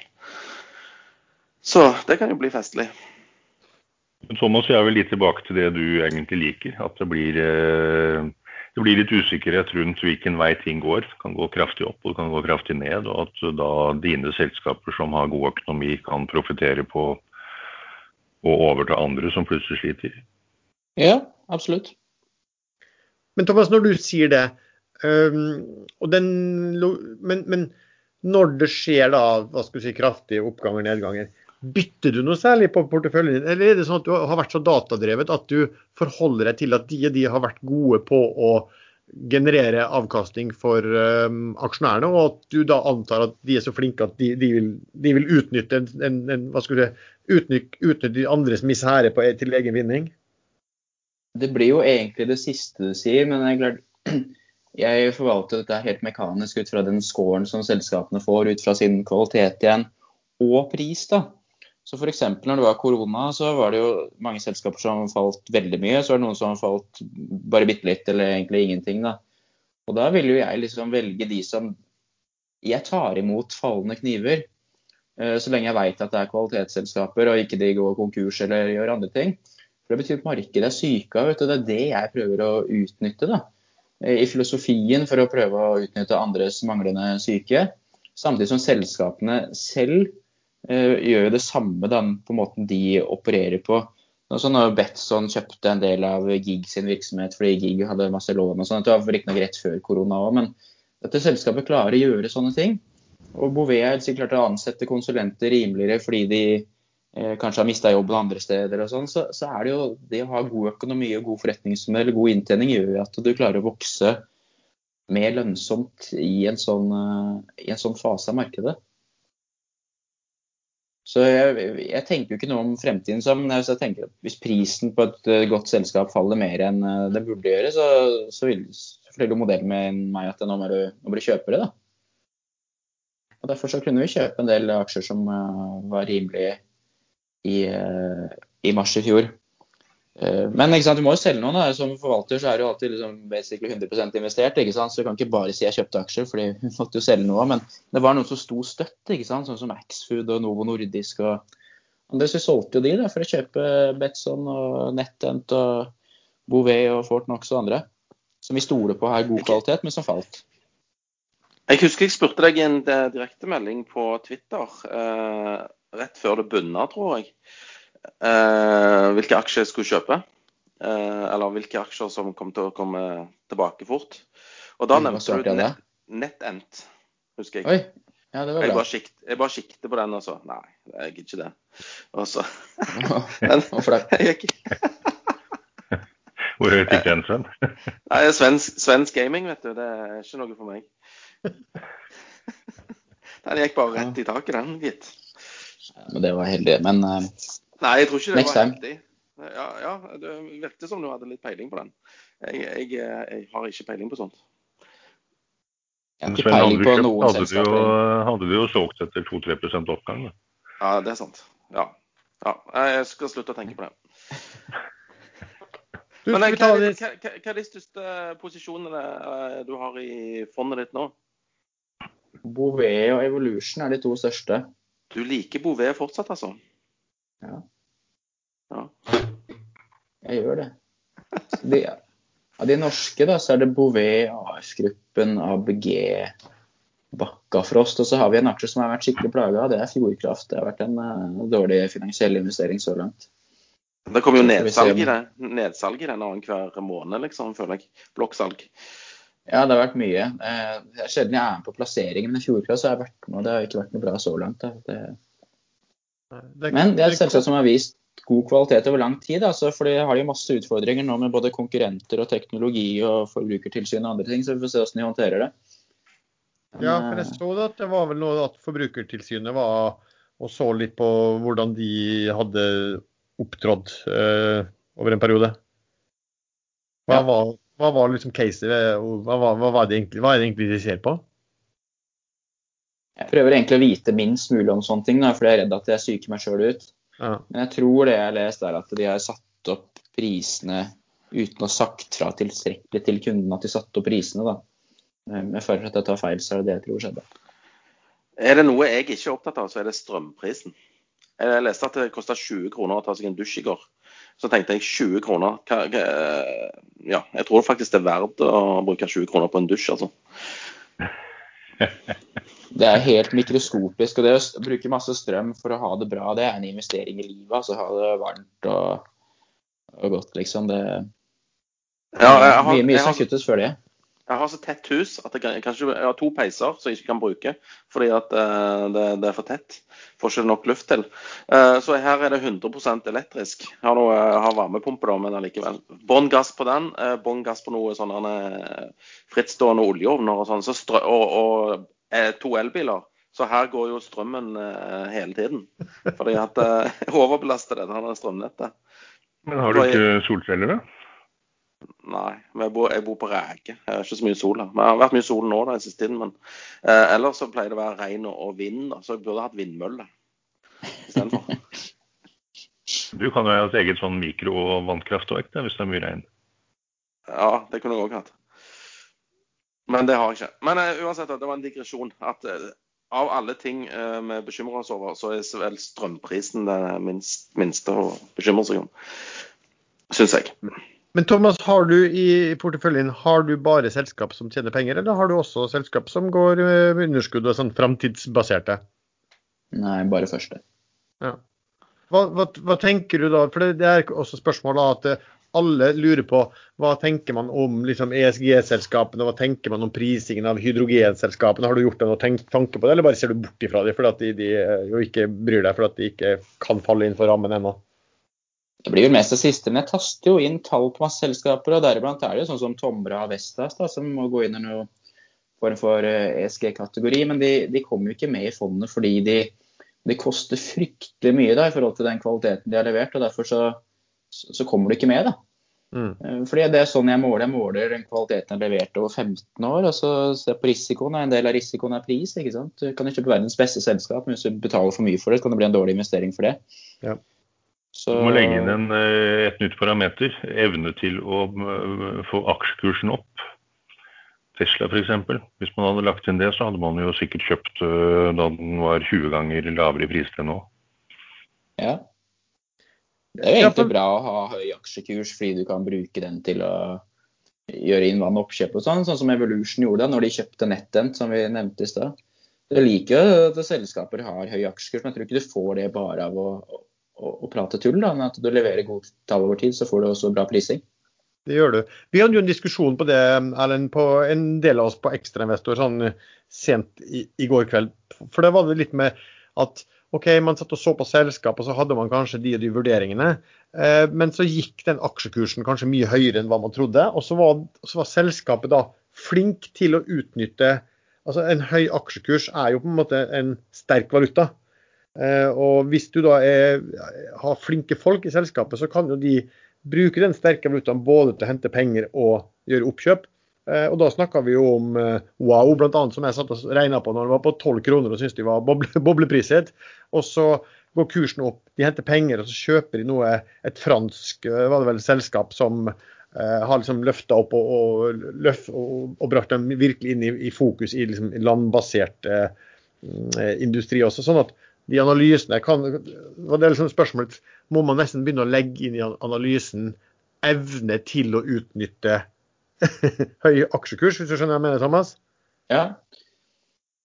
Jeg, jeg syns selskapet burde kanskje ha et mer aktivt forhold til det. Til det, fordi De vet jo tross alt best åssen det går sjøl. Hvis aksjekursen går mye mer opp enn det burde gjøre ut fra det de driver med, så burde de jo helt sikkert hente penger. Mm. Og Hvis den går mye mer ned enn den burde gjøre, så burde selskapet mer opportunistisk kjøpe tilbake aksjer òg syns jeg. da. Det er, vel, det er vel en av grunnene til å være børs, at du kan uh, utnytte det, den psykologien som, uh, som, andre ikke klarer å håndtere like godt. Han uh, Musk, Tesla, han har jo sagt hele veien fra før den voldsomme kursstigningen startet at Tesla er overvurdert. At aksjekursen er altfor høy. Og likevel så stiger den. Så det er, det er, noen mekanismer i dette markedet som, eh, som jentene ikke skjønner, eller så er det en ren boble, og du sprekker sånn som eh, dotcom-boblen sprakk. Ja, Hva tror du, Sven? Jeg er enig med Erlend. Det er ikke ofte. Det, det, er ikke, det er ikke ofte jeg er enig med Erlend, men her er jeg enig. Men Sven, du, du har, har, ikke du noen teori om altså, Mener du at markedet generelt er boble, eller er det bare sektorer som du mener er boble? Eh, jeg har vel ikke sagt at, eh, at, markedet er en boble. Men eh, basert på rentenivået så kan jo ting sikkert regnes hjem. Men det forutsetter jo at renten holdes lav til, eh, eller på null til evig tid. Og Da er det sikkert helt fair priser, men uh, får du en liten renteoppgang, så er det Da må du gjøre noe med neddiskonteringsrenten din, og da, da, da, forsvinner Og da er det luftig, uh, for å si det sånn. Men du, hadde ikke, hadde ikke du spådd en eller annen i uh, at her, her, skulle det komme en eller annen smell nå i tidlig mars, da, Sven? Uh, jeg har vel uh, fleipa litt med at den andre i tredje ca. klokken 19 så smeller det. Uh, og, og, teorien min, vet du hvorfor? Det, det, er faktisk noe som ligger bak denne her teorien. Eh, men- Nei, nei. Det er ikke noe eh, astrologi denne gangen. Det funka ikke sist gang, så jeg tror ikke, jeg tror ikke noe på det. Nei, det er faktisk eh, Nå ble jo sendt ut sånne stimulusjekker igjen, og det er 1400 dollar. og Det skal jo rett inn i markedet. Eh, og de kommer vel eh, nå om noen uker, hvis det blir vedtatt. Så dette kan godt forskyves kanskje en måned, da, fordi de er litt trege med å få gang på disse sjekkene. Men jeg bare tenker på, hvis du skulle selge aksjer, da, så vil de jo selge til noen som kjøper. og, og La nå de som skal spytte inn de 1400 dollarene sine, eh, bare få masse aksjer i fleisen. Det er den ene delen av det. Og den andre delen er jo at eh, hvis dere husker mars 2000, når eh, eh, internettbobla sprakk, så skjedde faktisk eh, det eh, første gang på en tirsdag. Det var den første tirsdagen i mars, fordi at det var et event som heter First Tuesday. Og der var jeg faktisk. Eh, for jeg hadde jo begynt å jobbe i sånn IT-bedrift, IT-bedrift. så, eh, Scandinavia Online eh, børs. eh, i, I januar samme år. Eh, så jeg var med tre måneder på festen da, før det smalt. Eh, jeg var ute på First Tuesday. Det var mm, Fred Olsen var keynote speaker, av alle ting, eh, i en hangar ute på Fornebu. Eh, og jeg sjekker mobilen eh, eh, for å se hvordan det står til det med de amerikanske indeksene, og Nasdaq er ned 7 Eh, Det var liksom starten på slutten av den internettboblen. Så min teori er at det skjer i mars igjen. Men eh, foreløpig har det ikke kommet sånne vekkelsesmøter i flyhangarer og andre storlokaler. Så kanskje vi skal vente på hva de kommer? Nei, mulig at det er pga. pandemien at det ikke har latt seg gjøre. Det kan jo. Vekkelsesmøte på Zoom, da. Ja, du ser Wall Street Bets. De møtes eh, online, og, og de virker å være ganske frelste, de, altså. Ja. I dag, Det var i dag en uh, teori, eh, beklager, Lars, det var en teori på Ekstrainvestor i går uh, om at uh, årsaken til disse voldsomme kursoppgangene som ingen kan forklare, ligger litt i Instagram-generasjonen. Eh, noe blir populært. Man har bloggere som plutselig har fått en stemme i, i, på, steder de ikke burde ha en stemme. Eh, Rosa-bloggere snakker om aksjekjøp, og, og det er ikke måte på. Eh, Og at det kanskje er et varig fenomen. At det faktisk eh, vil fortsette med aksjekurser som er helt frakoblet fundamentale verdier. Jeg tror egentlig ikke det, fordi at disse folkene vil jo måtte vende tilbake til sitt vanlige virke. Og ikke ha tid til å sitte og, og, og handle og følge med på aksjer. Det er et godt poeng. Jeg tror ikke så veldig mye på det selv heller, men eh, man prøver å finne forklaringer når man ikke kan skjønne det som skjer. Men det er Se på sånn bitcoin-kursen. 48 000 dollar, var det 49 000 dollar i går. Den har bare dobla seg siden jeg solgte. Det er ikke sant? Ja, altså, gikk du inn i bitcoin, eh, Thomas? For Jeg husker du spurte litt om det for eh, et år tilbake. Det, det også, cirka. Nei, jeg gjorde ikke det. Du gjorde ikke det, nei? Nei, Men jeg, jeg, jeg, jeg håpet du hadde glemt det. Jeg kom på det akkurat nå. Er Angrer du på at det var fornuftig? Eller angrer du aldri? Nei, jeg never look back, egentlig. Altså. Men jeg husker jeg så at et Taleb, da, som jeg har stor sans for Jeg kan ingenting om bitcoin, eller kryptovaluta generelt. Men han sa at han trodde det her kom til å bli bra, og han er smartere enn meg, altså. Så da tenkte jeg er det godt nok for han, er det godt nok for meg. Men Så spurte jeg Sven, da, for jeg husker dere snakka om det, men så ble det litt mye kål. Jeg måtte inn på sånn exchange og penger. Jeg tenkte der driter jeg i, så får bare være sånn det er. Men uh, that's life.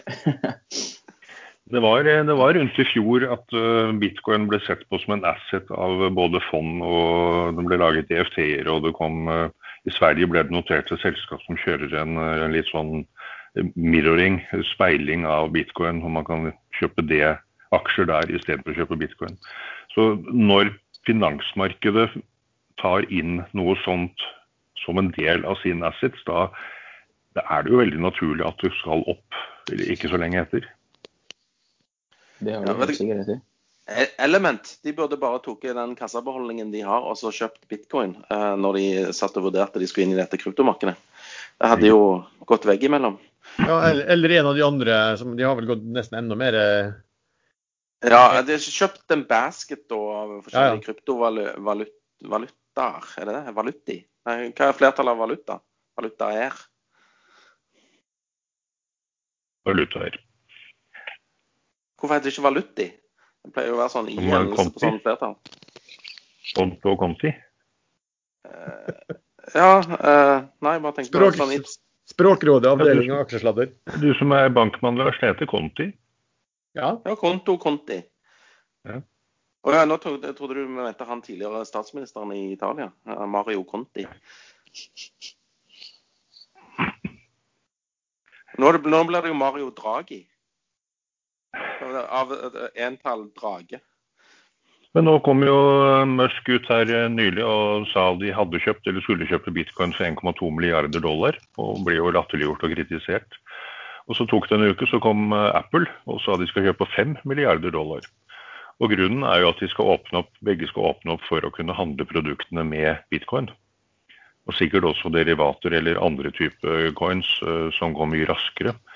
Men hvis du kjøper en bil, så spiller det ikke noen rolle om transaksjonen tar fire timer, som ca. gjør med bitcoin. hvis jeg ikke husker feil. I denne uken ble Incred.com lansert.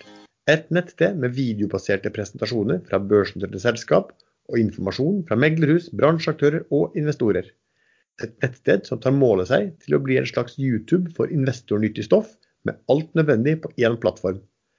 Rapporteringssesongen begynte for alvor denne uken, og for første gang har man kunnet gå til ett sted for å følge alle selskapenes webcasts, der man også har lenker til selve resultatrapportene.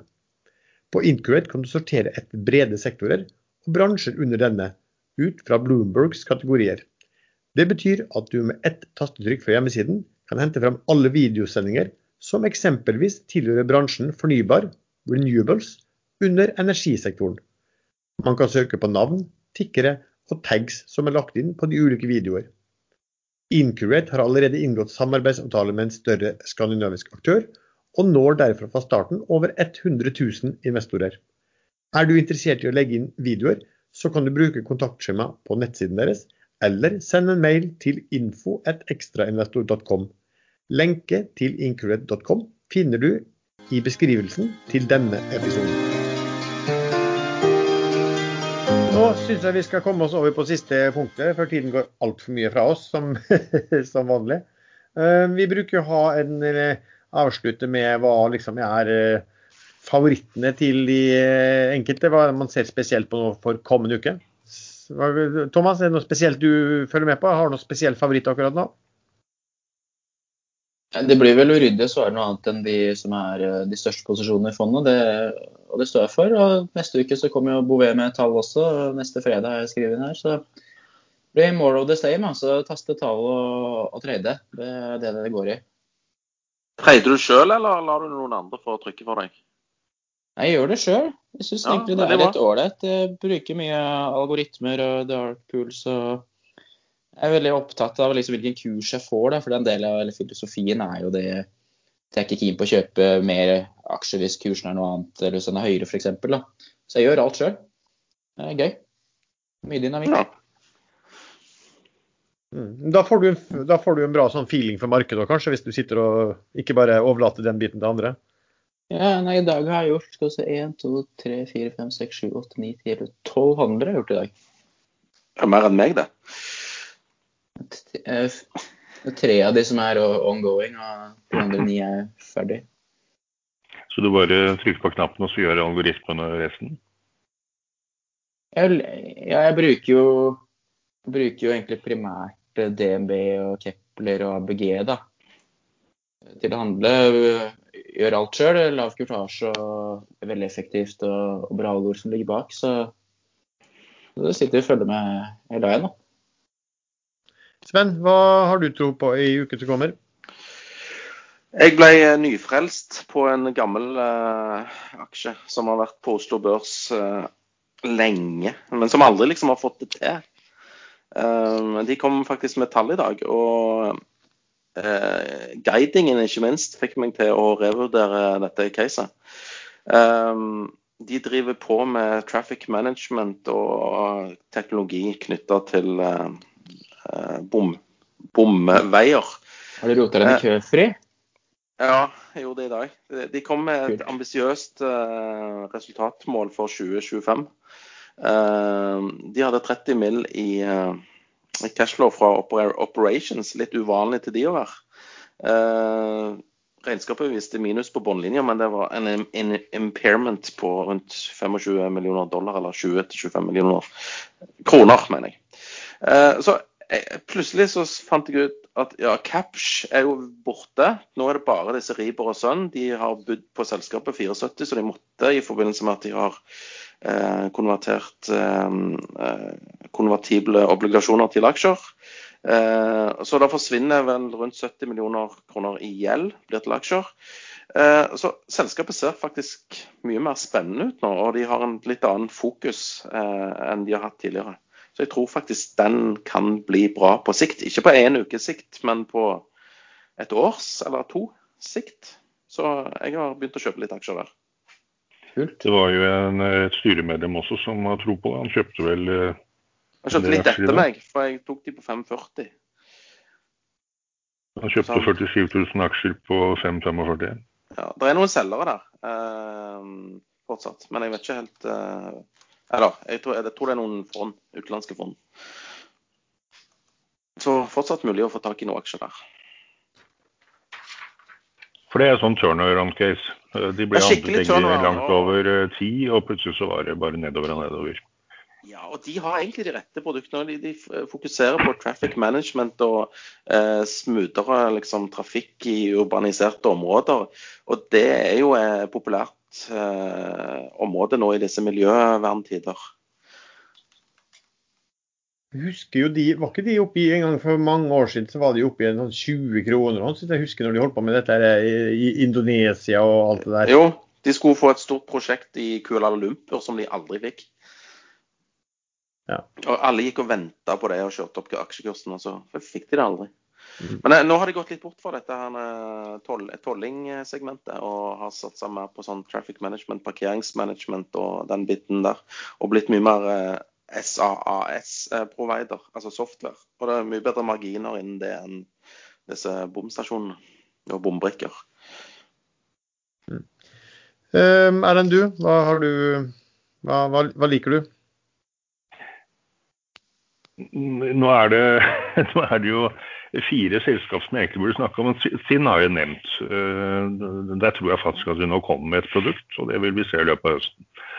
Eh, men Nordic Mining er veldig interessant. De har eh, allerede i 2010-2011 var det vel, så var de involvert i, i jakt på havbunnmineraler. Så de har kommet ganske langt. De har et 100% eiet datterselskap som heter Nora. Og jeg vil tro at de blir veldig sentrale i havbunnmineraler. Eh, og jeg vil også tro at de kommer til å skille ut det selskapet, kanskje litt sånn Purus-løsning. At de kjører en IPO, eh, selger unna x antall prosent aksjer og beholder, beholder en del for å være med på oppsiden. Eh, de har Q3-tall er det vel nå til uka. Da kan det komme noe nytt, noen indikasjoner på havbunnsmineraler, hva de gjør der. Og Grunnen er jo at SPX, eh, det lille seismikkselskapet som aldri har tjent penger, de har jo eh, startet sitt eget havbunnmineralselskap. Skal skille ut det og kjøre IPO på det. Og kursen der har jo gått, uh, gått syv-åtte-gangeren siden de, de, gjorde det. Så det grønne skiftet trenger mye mineraler, og da er havbunnmineraler helt ideelt, så lenge man klarer å få en miljømessig profil på det. SPX kaller det for green minerals, så de mener tydeligvis at det kan kalles grønt. Eh, men eh, Nordic Mining har også en ting til. Det er eh, en oppdatert PFS, Pre-Feasibility Study, som er det man bruker når man har kommet så langt at man skal begynne å konstruere gruveanlegget. De har fått alle tillatelser, alt er på plass. De har fremdeles planer om sjødeponi, men har redusert mengden ganske voldsomt fra de opprinnelige planene. Og jeg har en følelse av at de nå kommer til å droppe hele sjødeponiet. Eh, det blir mer tilbakefylling i gruven, og de selger eller gir bort eller betaler for å bli kvitt massene til andre som kan bruke dem. Dette er veldig fint pulverisert eh, berg, gråstein, eh, som andre kan bruke til fyllmasser eller kanskje sementtilsetning eller, eller sånt. Det er, ikke, det er ikke noe kjemisk avfall i det, disse massene. Og hvis de får til det, eh, etter at de nå allerede har annonsert at de skal eh, bruke elektrisk Elektrisifisere hele produksjonsanlegget, og da reduserer CO2-avtrykket med 80% så begynner faktisk Nordic Mining å kunne selges inn som et grønt gruveselskap i Norge med kortreiste mineraler og det største ressursen av den typen i hele Europa. Hvis jeg ikke husker feil. Så den tror jeg kan få en renessanse nå. og Det er gjerne akkurat når de starter i konstruksjonsfasen at sånne selskap kan gå veldig høyt. Men eh, Next er jo det andre selskapet. Eh, de kom med en børsmelding eh, her sist uke hvor, hvor de har utviklet en helt ny sensor sammen med et selskap som heter Broadcom er en av de virkelig store. Eh, de har utviklet denne sensoren sammen med dem, og den oppfyller Microsofts eh, nye krav til, eh, som standard. Og Man regner da med at alle PC-produsenter er nødt til å tilpasse seg denne, denne standarden. Og Broadcom de har alle kunder. Nå er det veldig mye støy på linje her.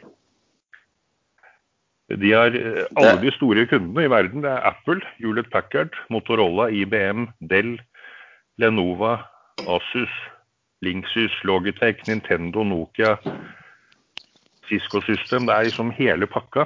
Så hvis, uh, hvis Next skulle få innpass i den gruppen kunder via Broadcom, så kan dette bli ekstremt stort. Og da har man noe man kaller en company maker.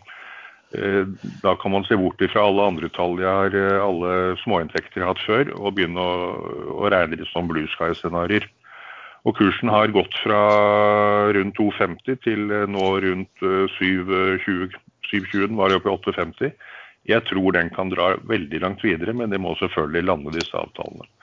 Men de sier selv at de kommer til å få de kommer til å få veldig gode marginer på den sensoren, og for kundene så blir det en veldig gunstig løsning i forhold til mye annet. Men hva skal du med sånn uh, fingeravtrykk på sånn PC? Jeg, jeg, er faktisk ikke helt sikker på, på om det er fingeravtrykk. Uh, det, er, det, er, en sensor um, som de kommer til å via Broadcom. Men jeg har bare lest sånn rammene Det er en veldig støy på linjen der nå. Det er noen som smatter og spiser og tygger og skraper. Nei, det er bare Thomas og Treide. Ja. Men hele rammen rundt det, med da Broadcom og med, Microsoft uh, oppfyller krav til uh, nye spesifikasjoner som blir den nye standarden, så mener jeg at dette er uh, dette kan bli veldig stort. Men, men er det ikke et finger, fingerprintskanner? Er det noe annet skanner? Du, jeg, jeg, vet faktisk ikke. Jeg bryr meg ikke om sånne små detaljer. Jeg ser på rammen. Men det er jo det de har produsert før, så det er vel, er vel det. Men, men, men, du har stor tro på det? Veldig stor tro på det. Ja, denne kommer til å gå til himmels, det er det, det verste. Ja, den gjør det. Vi kan, ja, det er ingen andre kan... heller som gidder å bry seg om det, men de leser Broadcom, og så leser de Microsoft. Og så kjøper de. Ja, og når kursen står i 50 om 14 eh, dager, når vi spiller inn aksjeslaver, så, kan, eh, så kan vi se om dere ler da også. Jeg kommer til å lese og grine. Men det, eh, det siste selskapet, det er, det er en veldig veldig high risk-forsøk, eh, det er Seadrill. Eh, de har nå meldt at uh, de to, to store divisjonene Ja, jeg sa det. er Veldig, veldig high risk, sa jeg. De skal konke. Det er jo hele poenget. De melder nå chapter 11, som er en styrt, styrt rekonstruksjon. Det er ikke styrt avvikling, men styrt rekonstruksjon. Og Sidril har vært veldig tydelig selv på at denne gangen kommer egenkapitalen til å bli nullet, eller tilnærmet nullet. Så når man nå kjøper på 2,65, så får man eh, maks ett eller to øre tilbake.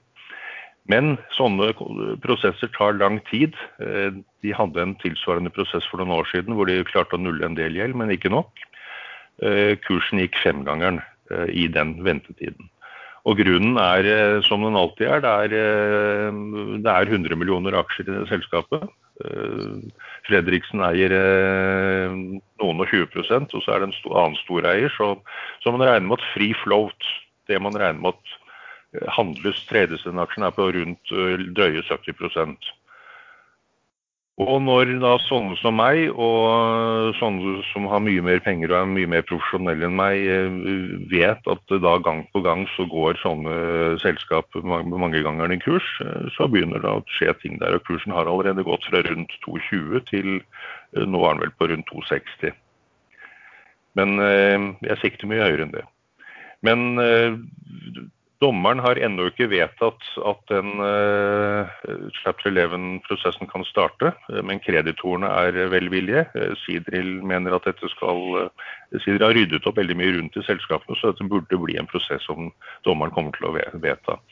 Og da er, da er, det bare å vente. Da tar det minst mange uker, kanskje flere måneder, før dette er avsluttet. Og i den tiden så er Sidril-aksjene litt sånn fritt vilt. Selskapet kan ikke konke. Eh, ingen kreditorer kan gå til eh, kemneren og slå ut konkurs. Så da, da vil jeg ikke si det er nedsidebeskyttet, men, eh, men det, er, det, blir færre og færre intelligente selgere igjen, og flere og flere sånn tilsvarende som i Norwegian. Men er de, er de, så beskyttet? De risikerer ikke at de går på en sånn polarkus, da, at plutselig så sier de långiverne at nå, nå, er nok, Vi kommer ikke til noen avtale uansett, så vi, nå tar vi disse riggene og disse datterselskapene. And bye bye. Ikke, ikke når det er i chapter 11-prosess, da har de ikke lov til det. Nei, Men, kan, men hvis eh, behandlingen der viser at det er ikke mulig å komme fram til noe enighet, da må den vel ut av altså, det, det, Chapter 11 er jo for å finne en eller annen form for enighet. Det kan skje underveis i prosessen, men det settes gjerne en dato Eh, når prosessen starter, så setter dommeren en dato flere uker fram i tid, eh, hvor han sier at nå skal dere sette dere ned og forhandle her. og Komme tilbake til meg da, så ser vi hva vi gjør videre. Mm. Men det er jo litt sånn at den Polarcus eh, som vi snakket ganske mye om sist gang, begynner jo kanskje å sette en standard for hva som faktisk kan skje, som kanskje folk har, vært bortsett fra før. Nå så, vi at Sidewill at der var det vel hedgefond som hadde kjøpt seg opp og tatt, overtatt mye av Eh, av lånet. og Det var vel et spørsmål om det var jeg tror det var spørsmål om var, var det 85 eller var det 90% av gjelden som skulle konverteres til, eh, til, egenkapital. Det var vel omtrent der det var ja, diskusjonen lå. Mm. Men eh, Larkus er jo ekstremrisk. Eh, de, de, er ikke noe beskyttet chapter 11-løsning. Eh, de, de, meldte at de har eh, gode diskusjoner med bobestyrer.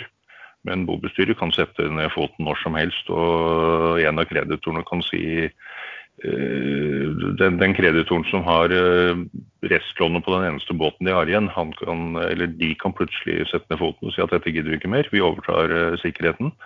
og sikkerheten har vel også morselskapet garantert for, så da er det er Polarcus borte. Og det kan skje over natten, det kan skje midt på dagen. Da kommer det en matching hold, og så har selskapet nullet. Ja. Så Polarcus er, det er high risk.